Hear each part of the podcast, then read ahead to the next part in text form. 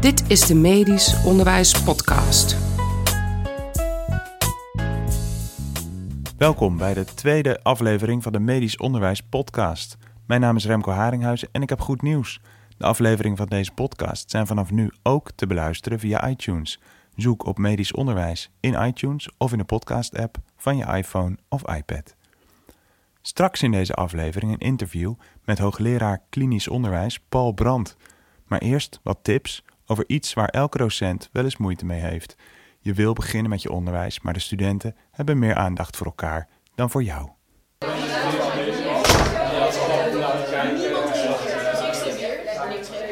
Goedemorgen. Dames en heren. Dames en heren, ik wil graag beginnen met de werkgroep. Hallo? Mensen?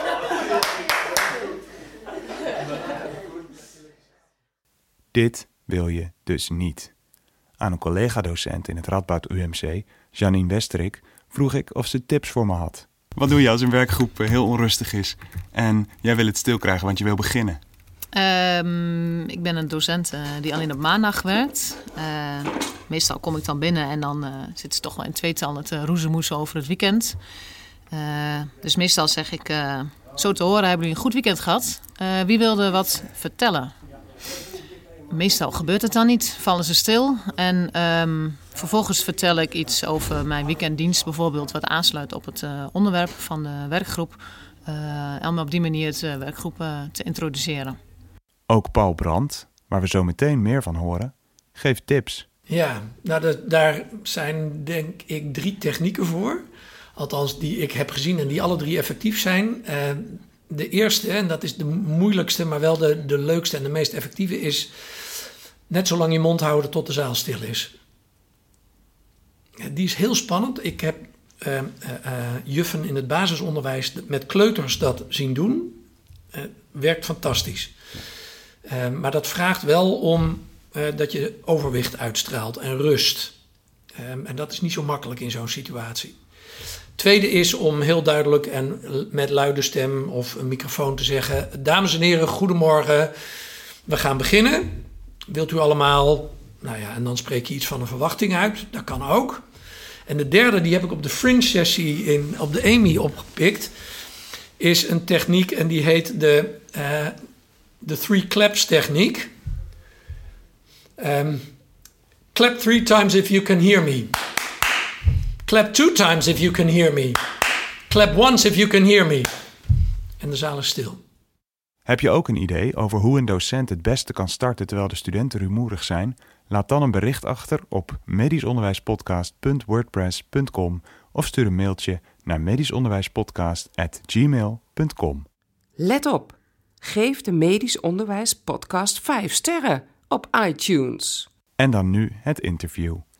Paul Brandt heeft meer dan 20 jaar ervaring als kinderarts en is hoogleraar klinisch onderwijs aan de faculteit Medische Wetenschappen van het Universitair Medisch Centrum Groningen. Ook is hij hoofd medisch opleidingsbeleid van de Isala Academie in Zwolle. Paul schreef twee romans, verschillende leerboeken en in 2016 verscheen zijn boek Dansen met de dokter. Dit boek geeft inzicht over samenwerken in de spreekkamer en is wat mij betreft voor elke geneeskundestudent en misschien zelfs wel voor elke arts verplicht leesvoer. Ik sprak Paul in Zwolle over het gebruik van rugbyliederen in onderwijs, over patiëntgericht communiceren en hoe je dat aan student kunt leren en is van iedere arts een goede docent te maken? Het Medisch Onderwijs Podcast Interview. Welkom in de podcast. Hartstikke leuk hier te zijn. Um, Paul. Ja. Mijn eerste vraag. Ik heb je boek gelezen, mm Dansen met de dokter. En um, een vraag die bij mij naar boven kwam toen ik dat had gelezen was... Kun je nou van iedere dokter een docent maken? Um, ja, dat denk ik wel. Ik denk dat iedere... Want het is te leren. Het vak van docent is te leren. En ik vind eerlijk gezegd ook dat iedere dokter Ehm, het vak van docent zou moeten leren. Want wij zitten allemaal in de docentrol. Niet alleen met studenten of co-assistenten of AJOS of verpleegkundig specialisten of wie dan ook. maar ook in ons contact met patiënten. Wij leren ze heel veel. We leggen dingen uit over ziekte, we leggen dingen uit over behandeling. Dat is een vorm van onderwijs. En ik denk dat het verstandig is dat elke dokter zich daarvan bewust is. En ook dat er heel veel te zeggen is over hoe kun je nou evidence-based onderwijs geven. En dat, is echt, dat, is, dat zijn kunstjes die je kunt leren. En dat zijn net zulke vaardigheden als het inbrengen van een infuus of het voeren van een slecht nieuwsgesprek. Ehm, dat zijn vaardigheden die je kunt leren. En die leer je door ze te oefenen. Ja, en dat. ehm, eh, dus jij koppelt eigenlijk de uitleg aan de. Als je goed aan, eh, aan patiënten dingen kan uitleggen. Samen met de patiënt kan beslissen. Gedeelde besluitvorming. Mhm. Komt ook heel veel terug in Mhm. je boek. Koppel je eigenlijk aan. Nou ja, als je dat kan, dan bezit je ook al heel veel skills. om uitleg te geven aan studenten. Ja, nou, het woord dokter is afgeleid van het Latijnse werkwoord docere, wat onderwijzen betekent. Waar het woord docent ook van afgeleid is. Dus eh, het is van, eigenlijk vanuit de geschiedenis al heel lang bekend dat dokters vooral ook eh, een, onderwijzer, een ja, onderwijzende taak hebben, ook aan hun patiënten. Ja. En ehm, ik, ik denk dat het heel verstandig is om die twee taken, onderwijs en patiëntenzorg, stevig aan elkaar te koppelen. Ehm, en daar over en weer ook gebruik te maken van de kennis die er is. En het, het domein van de kennis over effectief onderwijs geven, dat speelt zich voor een belangrijk deel toch buiten het gezichtsveld af van de gemiddelde arts. En dat is eigenlijk heel jammer. Dat is een gemiste kans. Ja, jij schrijft in je boek. ehm, een, een, de- de- daar schrijf je veel over die gedeelde besluitvorming. Ja. En je schrijft dat jij daar autodidact in bent. Ja. Je hebt dat zelf moeten leren. Ja. Ehm, wat, op welke manier kunnen we dat in de medische opleidingen nou zo gieten dat. ehm, en dat is natuurlijk voor een deel al, al is dat, dat proces al gaande. Maar op welke manier kunnen we dat nou volgens jou het beste doen? ehm, zodat we van elke dokter een goede dokter maken die, eh, veel, ja, die die skills bezit. Van die Ja. gedeelde besluitvorming. Ja.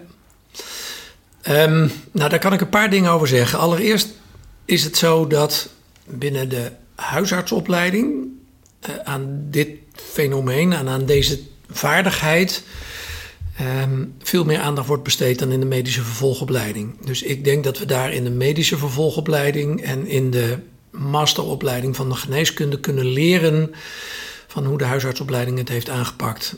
Huisartsenopleiding in Nederland heeft in haar beleid ook staan: wij leiden onze dokters op in patiëntgericht communiceren. En ik denk dat dat een, ja, eigenlijk een conditio sine qua non voor elke dokter zou moeten zijn. Als je niet patiëntgericht kunt communiceren, dan is wordt het lastiger om effectief patiëntenzorg te verlenen. En dat willen we allemaal. We willen allemaal effectief en goed patiëntenzorg verlenen. En daar hoort dit als basisvaardigheid bij. Dus het eerste wat we kunnen doen is zorgen dat we die kennis op dit gebied, patiëntgericht communiceren, uit de huisartsenopleiding ook gaan gebruiken in de masterfase van de studie geneeskunde en in de medische vervolgopleidingen. Dat zou wat mij betreft stap 1 kunnen en misschien wel moeten zijn. Ja. Tweede wat er dan ook moet gebeuren, is dat we dan ook met de gevestigde orde aan de slag moeten. Want hoe goed wij ook aan jonge dokters of dokters in opleiding iets nieuws leren, als de gevestigde orde daarna in de praktijk een ander rolmodel neerzet, dan gaan ze dat overnemen. Dus eh, er is wel wat dat betreft, denk ik, het nodige werk aan de winkel.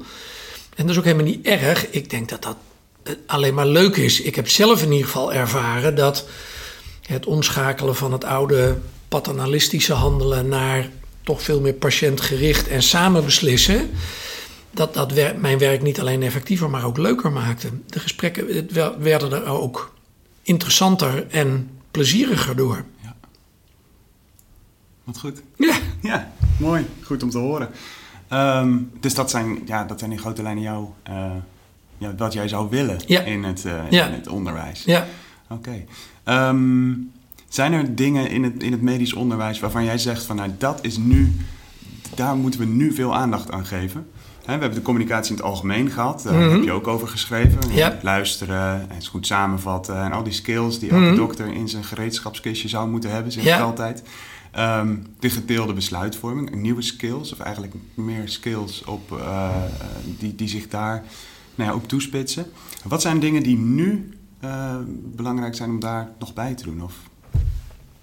Nou ja, wat, wat ik heel erg gemerkt heb, is dat ik in mijn werk eerst als AIOS en daarna als medisch specialist besteedde ik heel veel van mijn tijd aan vervolg, polyklinische vervolgconsulten.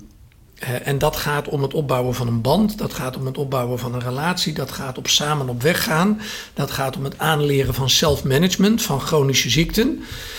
Daarin was ik totaal niet getraind, helemaal niet. Ja. Dat moest ik maar kunnen. Bizar, want het is een groot deel van je werk en het bepaalt een enorm deel van de effectiviteit die je als dokter bereikt met het welslagen van je adviezen. Of dat nou gaat over uh, uh, het uitleggen of het bespreken van hoe een ziekte werkt. Als het gaat om het bespreken van wat de, de, de, ehm, de rationale achter een bepaald type behandeling is. Als het nou gaat om het bespreken van leefstijladviezen. Ehm, eh, om het begeleiden van mensen om daarin de juiste keuzes te maken.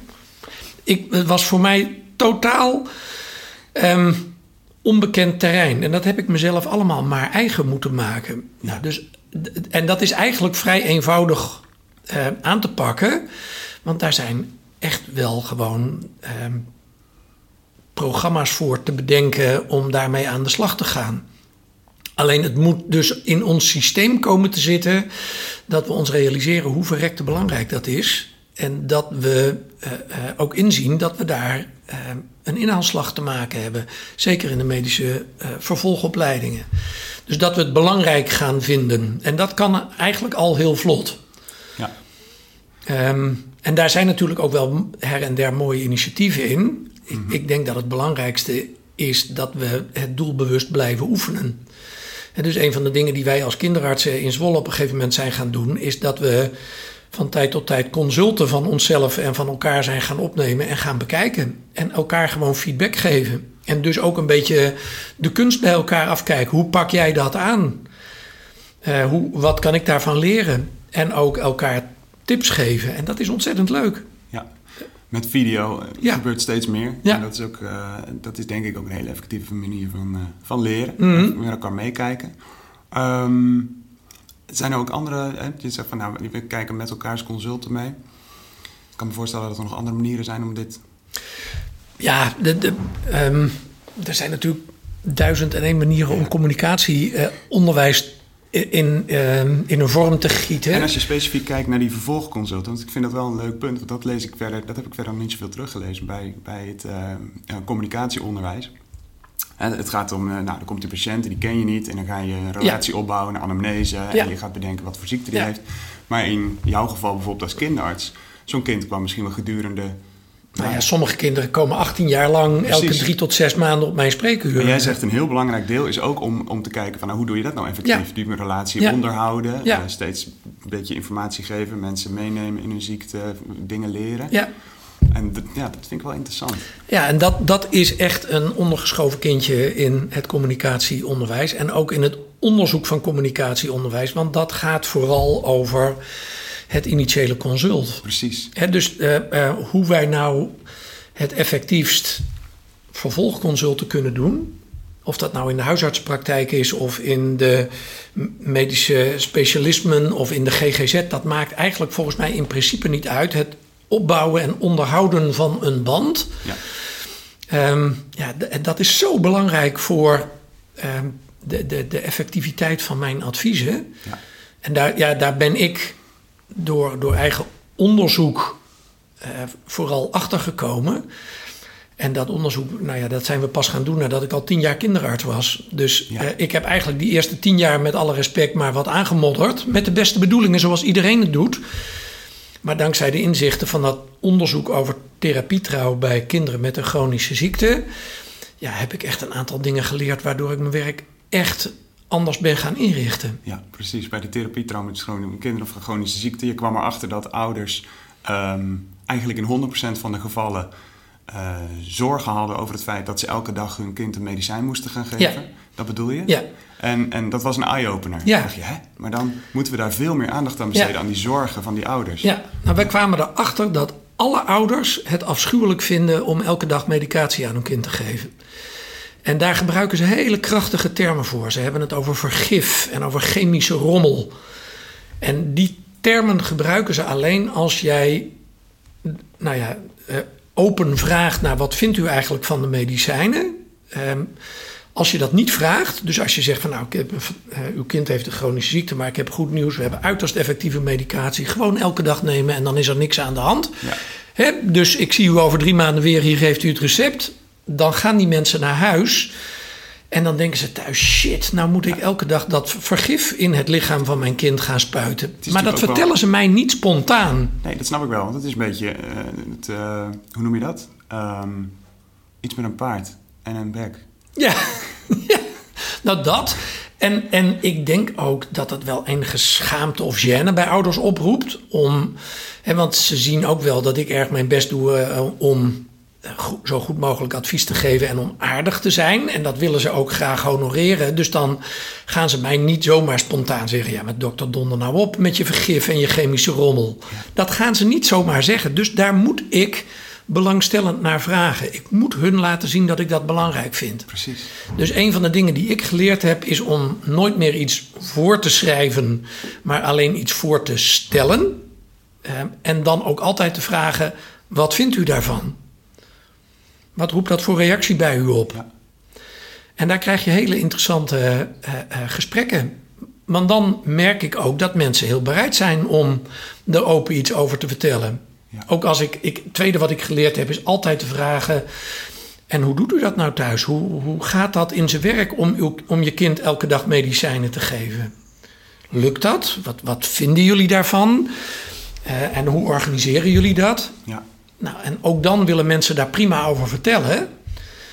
En willen ze ook best eerlijk zijn. Nou, zo, van, ja, na een week als het goed gaat, ja, dan stoppen we weer. Want Ja. het, voelt niet goed. ja. En die informatie die, die je dan hoort, helpt je natuurlijk ook heel erg in je vervolgcontacten. En dan is het natuurlijk onverstandig om te zeggen: ja, maar dat moet u niet doen. U moet wel elke dag doorgaan. Dan verbreek je de, Ja. Het vertrouwen weer. Maar als je zegt: God, dat is interessant, leg eens uit. Wat, wat, voor, zijn nou voor jullie de overwegingen om dat zo te doen? Dan heb je een heel ander gesprek. En dan laat ik merken, en ik denk dat daar de kern zit, dan laat ik merken dat ik oprecht probeer te begrijpen wat hun drijft. Precies. De, er is, eh, dit, klinkt, dit klinkt heel logisch. Ja. Wat ik van eh, zowel eerstejaarsstudenten als co-assistenten en soms ook artsassistenten, uh, AJOS hoor, is dan zeggen ze, ja maar het kost heel veel tijd. Ja. Ja. Nou ja, dit, dit is.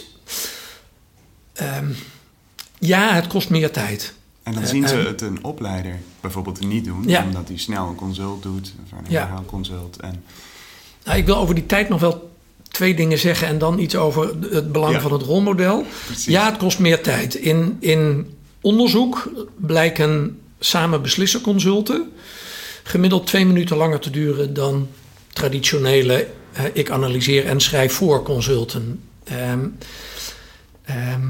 ik denk dat daar ook een zekere mate van onwennigheid in zit. Als het voor ons zo gewoon wordt om op deze manier consult te voeren, worden we daar handiger en efficiënter in. Ben ik van overtuigd. En het tweede waar ik van overtuigd ben geraakt, is dat deze manier van consult voeren op termijn zich uitbetaalt. Dus dat je die extra tijd ook weer terugwint. Ik heb bijvoorbeeld gemerkt dat bij de behandeling van kinderen met eczeem, dat vraagt om behandeling met hormoonzalf Ja. in de volksmond. En dat ligt heel gevoelig bij mensen. Als ik de eerste keer uitgebreid de tijd neem om daarover te wikken en te wegen en te mitsen en te maren, dan heb ik daar bij vervolgconsulten profijt van. Want dan zit er, hoef ik dat niet alsnog te doen. Dus de ja-maar consulten, die, die, die heb ik dan minder. ja. Dus, eh, ehm, en bovendien investeer ik dan in de relatie. Dus ik denk dat dat zich op termijn terugbetaalt. Dat is heel erg moeilijk om dat in onderzoek aan te tonen. precies. Ja. Want dat was mijn vraag. Ja, Gaan we dat onderzoeken? ja ik zou wel willen, maar het is, dit is buitengewoon complex om dat in een gecontroleerd experiment te doen en Ja. om daar harde data over te krijgen. Ehm, dus ik weet niet of dat echt gaat lukken. Ik, ik vind het wel heel interessant. Ja, ik En, ook. Nou ja, ik begeleid nu een promovendus die onderzoek doet naar het proces van samen beslissen in de spreekkamer en de attitude van dokters daarover. En welke invloed dat op patiëntengedrag heeft. Dus daar komen we wel weer ietsje verder mee. Maar het concrete antwoord gaat mij die extra tijd, ga ik dat ook weer terugverdienen? Dat moet je eerder vertrouwen dan dat je dat kunt meten. Het is een gevoel wat jij hebt. Het is een gevoel Ja. van heel veel specialisten hebben. Het is een gevoel wat ik zelf, wat ik met je deel. Als Ja. ik duidelijk iets aan patiënten uitleg, dan komen ze ook minder snel, eh, komen de telefoontjes naar de verpleegkundige. Ja. Ehm, om extra uitleg of onduidelijkheden. Of de patiënt zit niet minder vaak een week later weer op je spreekuur met eigenlijk dezelfde vraag. Ehm, merk ik ook. En ja, ik zou het zo graag dan bevestigd hebben. hè. Ja, Ehm, ik ook. Ja, maar Mijn goed, handen jeuken, maar het is, het is ingewikkeld onderzoek. Ja, Ja. dat snap ik. Ja. Over dat rolmodel, Ja, dat, dat ik- ben ja. ik helemaal met je eens. Als, als wij jonge dokters iets nieuws leren, de techniek van het samen beslissen, maar ze zien vervolgens hun opleiders in de praktijk dat anders doen, dan zullen ze eerder geneigd zijn dat gedrag over te nemen dan wat ze in de opleiding hebben geleerd. Dus daarom is het ook zo belangrijk dat we, ik, eh, collega's, nou ja, eh, het land ingaan om eh, mensen ervan te laten zien en te laten ervaren dat deze manier van werken niet bedreigend en eng en tijdrovend en, is, maar juist leuk en inspirerend en effectiever. Ja, Ja. precies. Ehm, dat is leuk dat je dat zegt, we gaan het land in. We spraken elkaar op het NVMO-congres Ja. in Egmond. En ehm, eh, jij had daar een, een presentatie op, het, Mhm. op het Fringe-onderdeel. Ja. Met, eh, een, ja, over evidence-based medicine. Ja, Het was al even te horen in de vorige aflevering, maar toch nog eventjes dat fragment uit de Fringe-sessie van het congres van de Nederlandse Vereniging voor Medisch Onderwijs in november 2018. Is dat duidelijk? Yes! Hebben jullie vragen? Nee! Gaat u staan.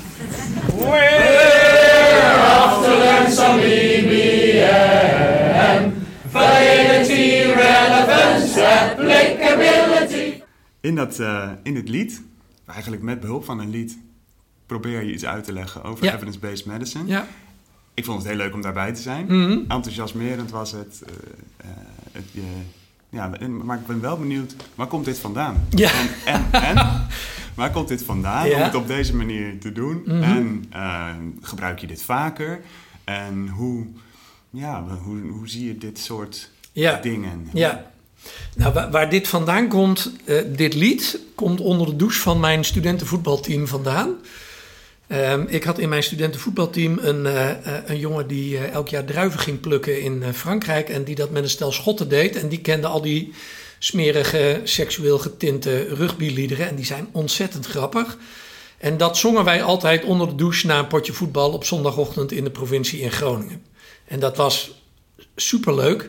En een paar van die liedjes heb ik meegenomen. Ehm, en ik merkte dat waar ik dat dan ook deed, dat dat altijd aansloeg. Dus dat mensen het blijkbaar leuk vinden om samen iets te doen. Iets, je doet dit al langer. ja, En, eh, maar niet zozeer in gebruik maken van onderwijs, maar gewoon als je een groep mensen bij elkaar hebt op een congres of een weet ik veel wat voor bijeenkomst. Ja. Zo'n rugbylied met z'n allen community singing doen, dat vinden mensen leuk in het algemeen. Dat schept een band. Ja. En de reden om het dan in onderwijs toe te passen, is dat ik denk dat het heel goed is dat onderwijs, dat je eh, eh, je gereedschapskist met mogelijke vormen zoveel mogelijk vult. En daar ook vooral buiten de doos denkt. Ja.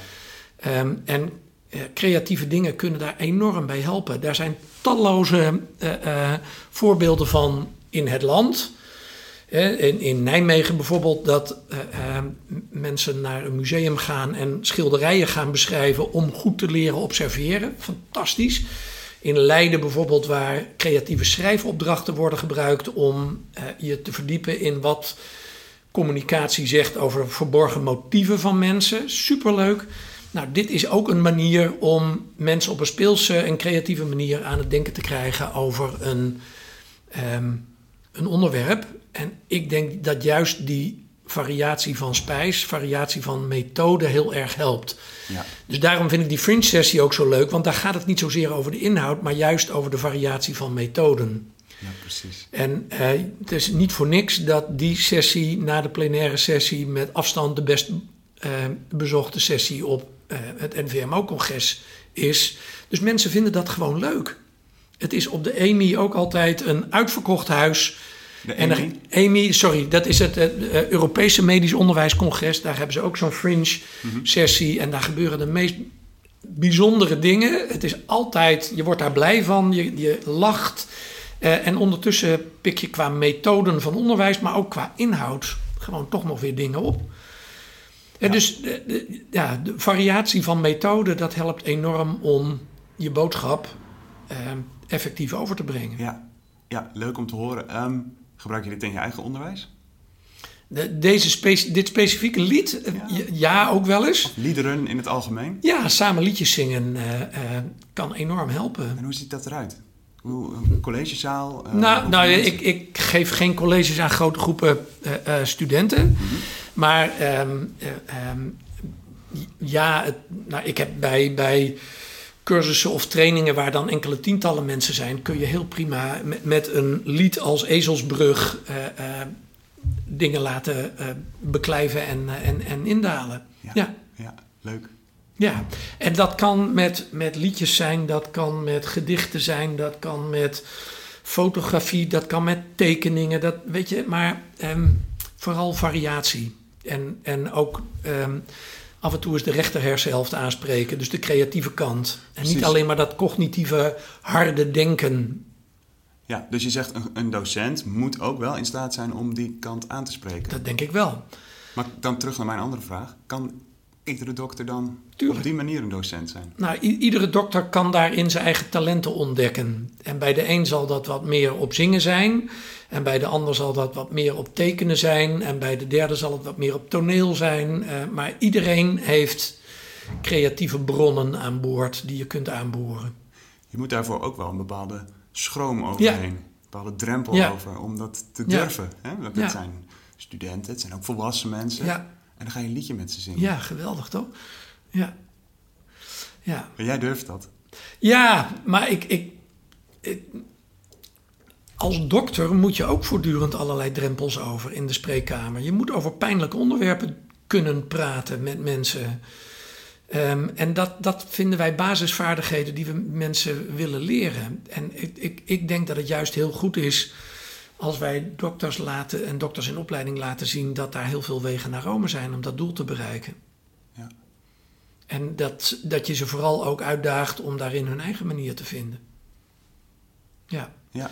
Dus ik, ik denk oprecht dat zeker als het gaat over hè, de humaniora, de, de, de, de, de wat zachtere competenties in het vak, dat, dat gebruik maken van eh, eh, creatieve technieken, in welke vorm dan ook, heel erg kan helpen om eh, mensen in beweging te krijgen en aan het denken te krijgen. ja. Ja. Mooi. Ik hoop dat we daar nog veel meer van gaan zien. Niet Ja, alleen voor jou, maar ook van alle mensen die natuurlijk nu luisteren en denken... hey, Ik, Dien eh, iets in voor de fringe. Laten we ja. zorgen dat er nog meer fringe sessies op eh, het NVMO komen. NVMO-congres Doe eens gek. 2019. Hartstikke leuk. Ja. Onder het motto Doe eens gek. Lijkt me hartstikke goed. Ja. Ik ben benieuwd. Ik ga er in ieder geval zeker weer zitten. Ik ook. Mooi. Ehm dankjewel voor het interview. Graag gedaan. Dit was hem dan. Bedankt voor het luisteren naar de tweede aflevering van de Medisch Onderwijs Podcast. Feedback is altijd welkom. Geef je feedback over de Medisch Onderwijs Podcast op iTunes of op medischonderwijspodcast.gmail.com. Je kunt je op de podcast abonneren via SoundCloud of iTunes. Dan kom je het vanzelf te weten als de volgende aflevering online staat. Bedankt voor het luisteren naar de Medisch Onderwijs Podcast.